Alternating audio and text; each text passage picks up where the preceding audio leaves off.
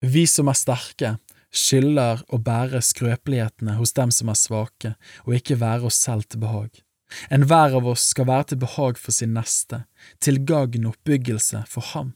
For heller ikke Kristus levde seg selv til behag, men som det står skrevet, hånsordene fra dem som håner deg, falt på meg. Og alt som før er skrevet, det er skrevet til lærdom for oss, for at vi skal ha håp ved det tålmodet og den trøsten som Skriftene gir. Må så tålmodets og trøstens Gud gi dere å ha ett sinn innbyrdes etter Jesu Kristi forbilde, for at dere samstemmig og med én munn kan prise Gud, vår Herre Jesu Kristi Far. Ta dere derfor av hverandre, like som også Kristus tok seg av oss, til Guds ære. For jeg sier, Kristus er blitt en tjener for de omskårne for Guds sannferdighets skyld, for å stadfeste løftene til fedrene. Men hedningene skal prise Gud for hans miskunn, som det står skrevet, derfor vil jeg prise deg blant hedningene og lovsynge ditt navn.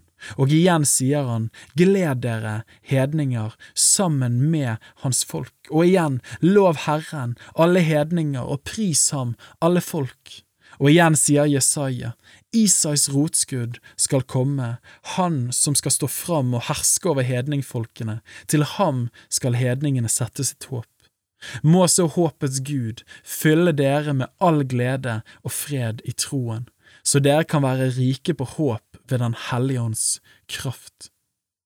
Mine brødre, for min del er jeg overbevist om at dere selv er fulle av godhet, fylt med all kunnskap, i stand til også å formane hverandre. Likevel har jeg til dels skrevet noe djervt til dere for å påminne dere ved den nåde som er gitt meg av Gud, at jeg skal være Kristi Jesu offerprest for hedningene. Jeg gjør hellig tjeneste med Guds evangelium for at hedningene kan bli et offer til behag for Gud, hellighet ved Den hellige ånd.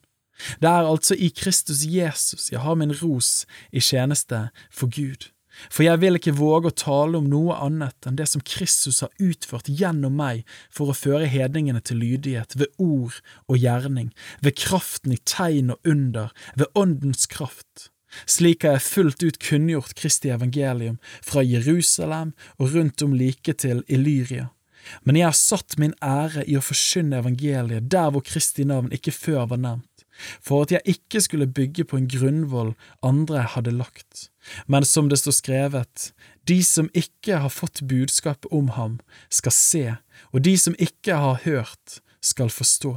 På grunn av dette er jeg gang på gang blitt hindret fra å komme til dere, men nå, når jeg ikke lenger har virkerom i disse traktene, og da jeg alt i mange år har lengtet etter å komme til dere, håper jeg å få se dere på gjennomreisen når jeg drar til Spania, og få følge av dere på reisen videre, når jeg først har fått glede meg en tid over samværet med dere. Men nå drar jeg til Jerusalem i tjeneste for de hellige for Makedonia og Akaya har villet samle inn en gave til de fattige blant de hellige i Jerusalem. De har selv villet dette, og de står også i gjeld til dem. For har hedningene fått del i deres åndelige goder, da er de også skyldige til å tjene dem med de timelige. Når jeg har fullført dette og lagt denne frukt trygt i deres hender, vil jeg dra veien om dere til Spania og jeg vet at når jeg kommer til dere, skal jeg komme med en fylde av Kristi velsignelse. Jeg formaner dere, brødre, ved vår Herre Jesus Kristus og ved Åndens kjærlighet, strid sammen med meg i deres bønner for meg til Gud, for at jeg må bli fridd fra de vantro i Judea, og at min tjeneste i Jerusalem må bli godt mottatt av de hellige. Da vil jeg kunne komme til dere med glede, om Gud vil, og få hvile ut hos dere Fredens Gud være med dere alle. Amen.